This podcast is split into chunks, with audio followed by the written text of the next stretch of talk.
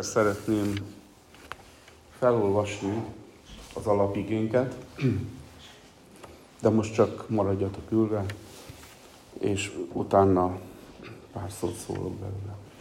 Tehát János 6.1-től 15-ig Jézus ezután elment a galileai tengernek, Tibériás tavának túlsó partjára, nagy sokaság követte őt, mert látták, milyen jeleket vitt végbe a betegeken Jézus pedig felment a hegyre, és ott leült a tanítványaival együtt. Közel volt a Páska, a zsidók ünnepe.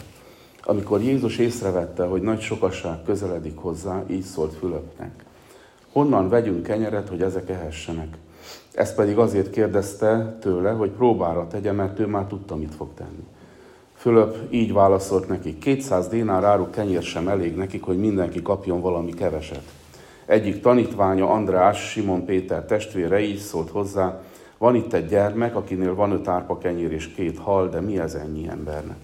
Jézus ezt mondta, ültessétek le az embereket, füves terület volt az, letelepettek tehát a férfiak szám szerint mintegy ötezren. Jézus pedig vette a kenyereket, hálát adott, és kiosztotta az ott ülőknek, ugyanúgy osztotta halakból is, amennyit kívántak. Amikor pedig jól laktak, így szólt tanítványaihoz. Szedjétek össze a maradékot, hogy semmi se vesszen kárba. Összeszedték tehát, és 12 kosarat töltöttek meg az öt árpa kenyér maradékával, amit meghagytak azok, akik ettek. Miután látták az emberek, hogy milyen jelt tett, ezt mondták. Ez valóban az a próféta, akinek el kellett jönnie a világba. Amikor pedig Jézus észrevette, hogy érte akarnak jönni, és el akarják ragadni, hogy királyát tegyék, visszavonult ismét a hegyre, egymagában. Nem ismeretlen előttünk ez a történet, és már sokszor hangzott el tanítás belőle. Úgyhogy lehet, hogy most arra is kellene igyekeznetek, amíg hallgattok engem, amint hirdetem az ígét, hogy összerakjátok magatoknak azt, amit ismertek erről a történetről, mert természetesen minden részletére nem szeretnék kitérni. Csak egyetlen egy dolgot szeretnék kiemelni most. Itt úgy látjuk ebben a történetben Jézust, mint aki úra lehetetlen felett. Egy lehetetlen helyzetbe hozza a tanítványait Jézus. 5000 éhes ember, akik egész nap egy puszta helyen hallgatták az Úr Jézus tanítását, távol minden településtől, és rájuk esteledett. És, és egy komoly kérdés vetődött fel ott, hogy most mi lesz ezzel a sokasággal. Az összes, mind a négy evangéliumban meg van említve a történet, és van, ahol elhangzik egy ilyen valamelyik tanítvány részéről, hogy, hogy Jézus bocsásd el őket, menjenek el a falukba. Menj. Tehát ilyen megoldást is felajánltak Jézusnak, hogy bocsássa el őket. Ez a legegyszerűbb, amikor valami lehetetlennel vagy nehéz helyzettel találkozunk, akkor legjobb legjobb elküldeni a helyzetet magunktól, vagy mi magunk megyünk el onnan, hogy ne kelljen vele szembenézni. És eh, sokszor így vagyunk mi ezzel a lelki életben is, hogy a könnyebb ellenállás irányába mozdulunk el, amikor gondok vannak lelkileg.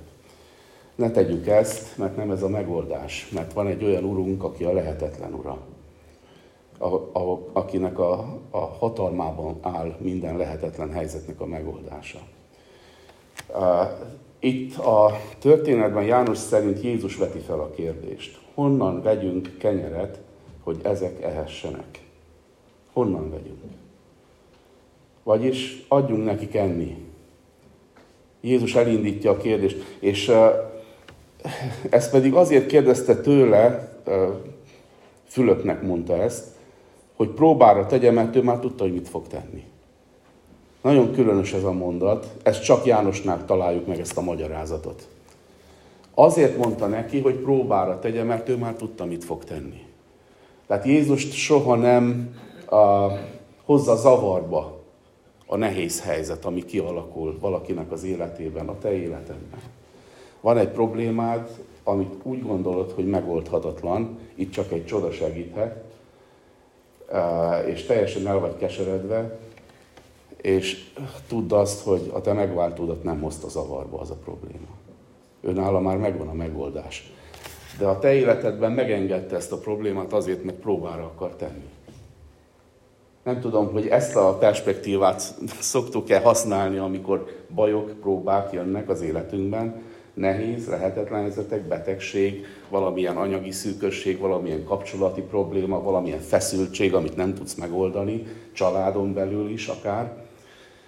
Hogy szoktál-e így gondolkodni hívőként, hogy ó, hála az Úrnak, köszönöm Uram ezt a helyzetet, mert most alig várom, hogy lássam, hogy oldod meg. Mert az én hitem azt mondja, hogy te a lehetetlenek Istene vagy, és te ezt meg fogod oldani. Szoktuk így megközelíteni az élethelyzeteinket? Az Úrral járunk, de nagyon ritkán látom ezt a fajta megközelítést. Inkább az elkeseredés lesz úrá rajtunk. Inkább a félelem.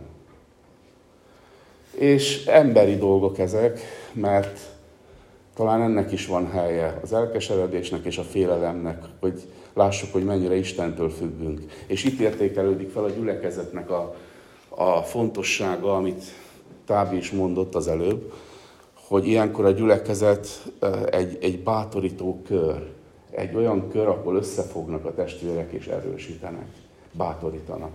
Mert a Szentlélek az erősebbeknél letette azt az üzenetet, ami rajtad segít. Vagy letette azt a feladatot, szolgálatot, ami téged fel fog emelni, vagy vinni fog egy darabig, mert gyenge vagy. És ezért fontos a gyülekezet. De azt nem szabad elfelejtenünk egy pillanatig sem, hogy azok a próbák és nehézségek, amik érnek minket, azok vagy Isten kezéből jönnek egyenesen, mert próbára akarnak tenni, vagy pedig megengedi az Úr az életünkben, hogy megmérje a hitünket, és hogy megmutassa az ő dicsőségét, az ő hatalmát, és ezáltal megerősítse a hitünket. Az első lépés a megoldás felé, amikor lehetetlen helyzetek elő, elé kell állnod, az, hogy megértsd azt, hogy te azt nem tudod megoldani magadtól. Fontos ezt tudni. Hogy vannak, a héten beszélgettem egy, egy emberrel, egy fiatal emberrel, a hitről, utaztunk együtt, a, arról, hogy ő kiben hisz, ő hisz egy higher powerben, hisz egy intelligent designerben, de nem hisz Istenben. Hát mondom, ez, ez nonsens. Akkor hogy, hogy magyarázod? Nem, hanem ő úgy gondolja, hogy mi vagyunk az Istenek. Ó. És, és mondom, hogy, hogy mi vagyunk az Istenek? Hát úgy, hogy látod, hogy mi mindent tudunk csinálni. Tudunk háborút csinálni, tudunk gyógyítani, ölni, eleveníteni.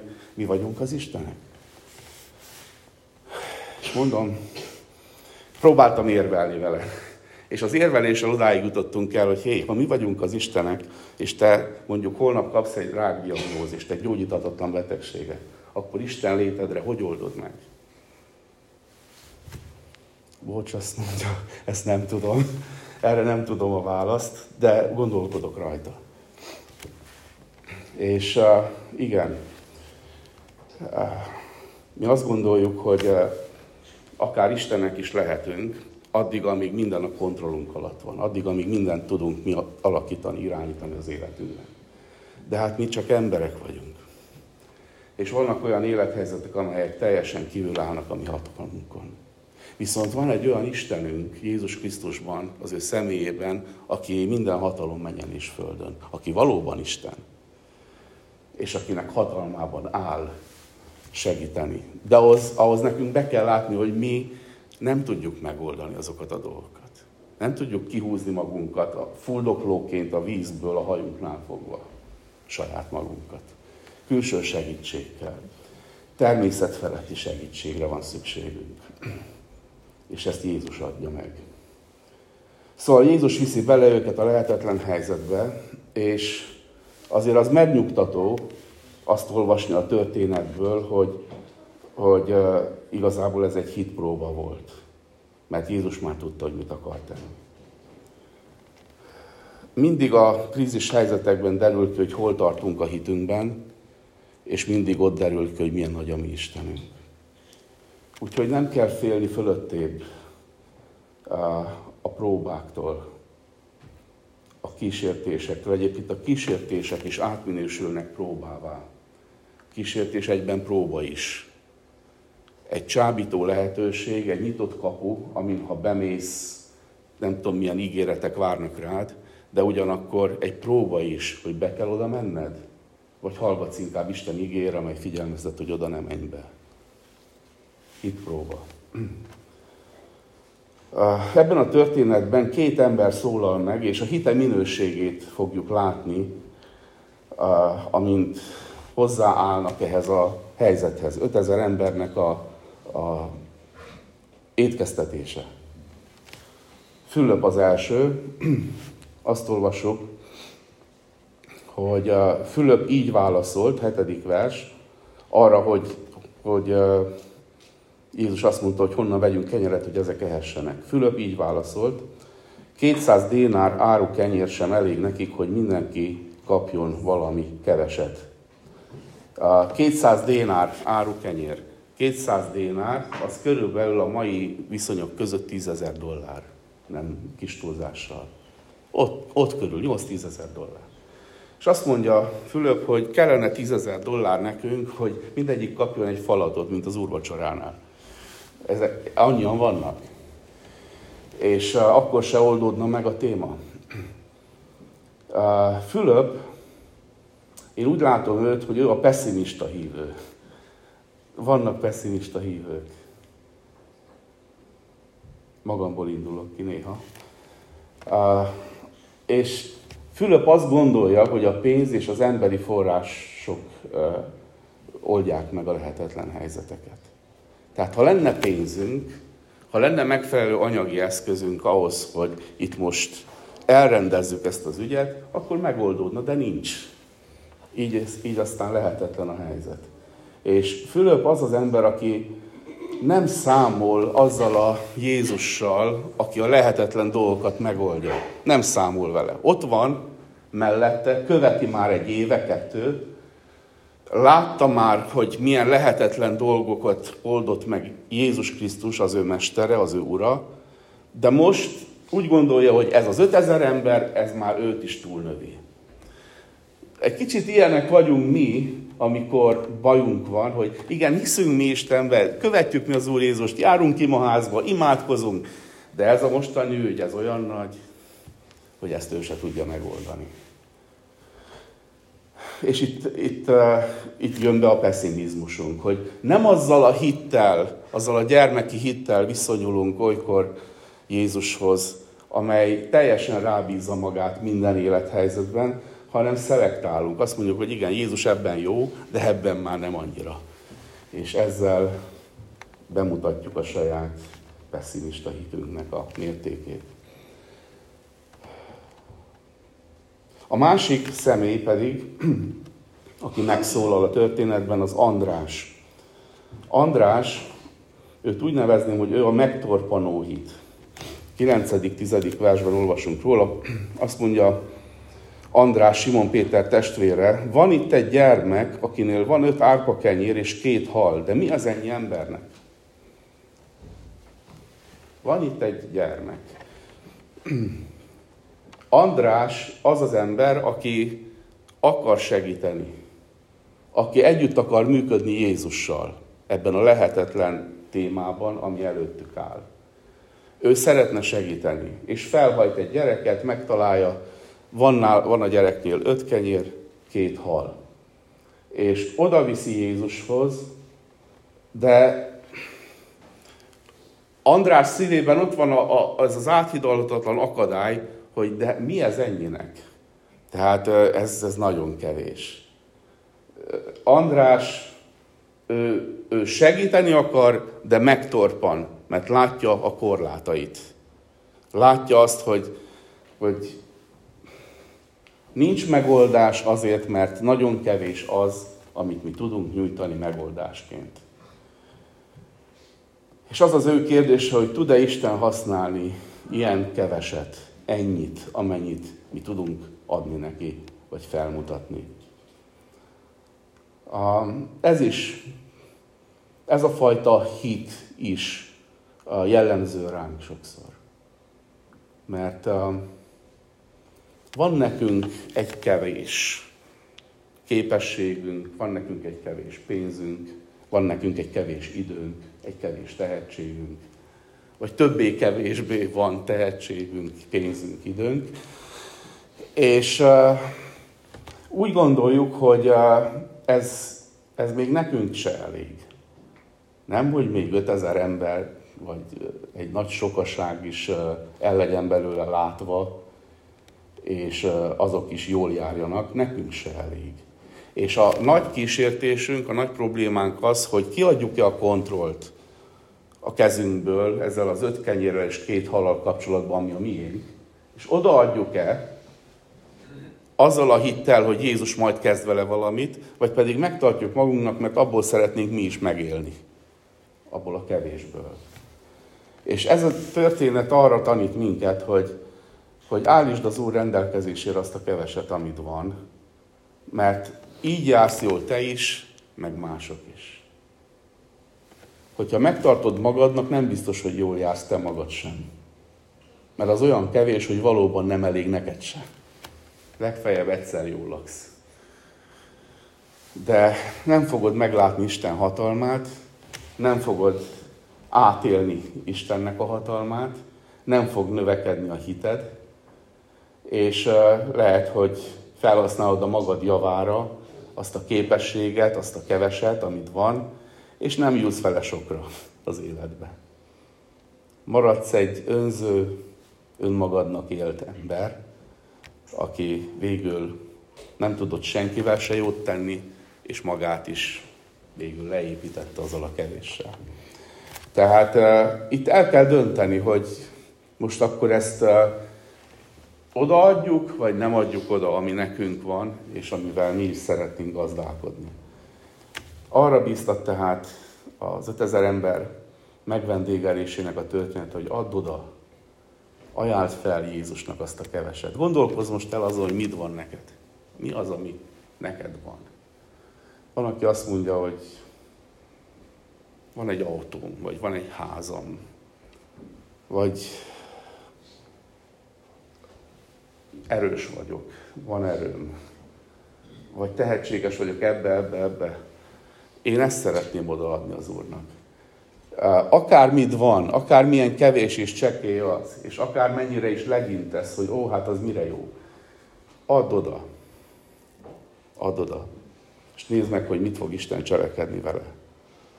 Most tábítáról jut eszembe, a bibliai tábítáról, hogy volt egy tűje, Ennyi volt neki, egy tű. Olvassuk a cselekedetek könyvében. És elkezdett varni vele. És amikor Tábita meghalt, akkor jöttek az özvegyasszonyok, nem tudom, tucatjával. És ott sírtak Péternek, hogy ezeket a ruhákat ő varta nekünk. Péter, tégy valamit. És Péter imádkozott, és Tábita feltámadt. Volt egy tűje tehát. Aztán a sareptai özvegyasszonynak milyen volt? Egy kis uh, liszt a korsó alján, meg egy kis olaj. Ennyi volt. De azt odaadta az Isten emberének, mert azt mondta az Isten embere neki, hogy menj haza, süsd meg, mert azt gondolt az asszony, hogy hazamegyek, éhínség van, megsütöm magamnak és a fiamnak, megeszük, és aztán vége, meghalunk. Azt mondja Illés neki, nem, menj haza, süsd meg, és előbb adj nekem belőle. Ez még durvább volt. Hogy még ne is, ne is kóstoljuk meg azt az utolsó falatot, adjuk oda? Igen. És mi történt? Azt mondja az hogy az egész éhínség alatt három és fél évig nem fogyott ki a liszt és az olaj. Azért, mert amikor odaadod az Istennek azt a keveset, csoda történik. A lehetetlen lehetségessé válik valami megsokasodik, valami megáldatik fentről a mennyből, valami természet feletti dolog történik azzal a kevéssel. És rácsodálkozol, örvendezel, dicséred az Istent, növekszik a hited, és sokan jól járnak. Erről szól ez a történet. És a kérdés az ma reggel, hogy nem szeretnénk mi ezt átélni a mi köreinkben. Dehogy nem. Azért imádkozom, hogy ilyen csodákat átéljünk az, az Istennek odaadott, az Isten kezébe oda helyezett képességek, javak, lehetőségek, életek. Lássuk, mit cselekszik az Isten vele. Lássuk, mit kezd Jézus a lehetetlennel. Ez a kíváncsiság töltse be a szívünket, és, és meg fogjuk látni az ő hatalmát, amint kibontakozik közöttünk. Ámen. Imádkozzunk. Kulcsát testvét, kérlek imádkozzál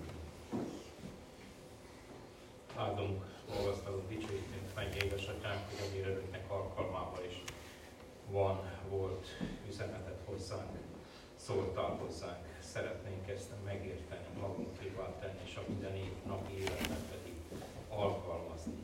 Köszönjük, hogy láthattuk és látjuk újból és újból, hogy mekkora Isten hatalma.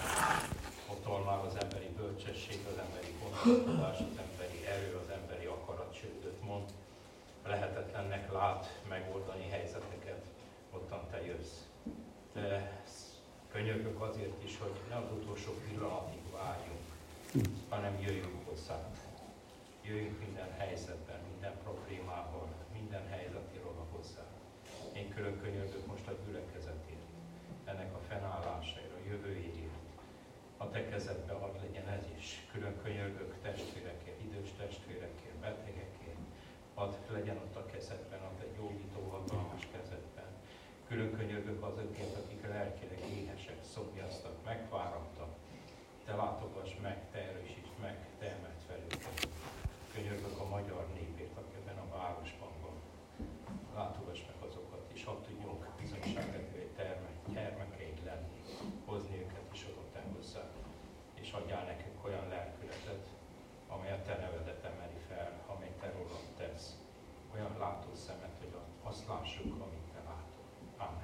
Amen.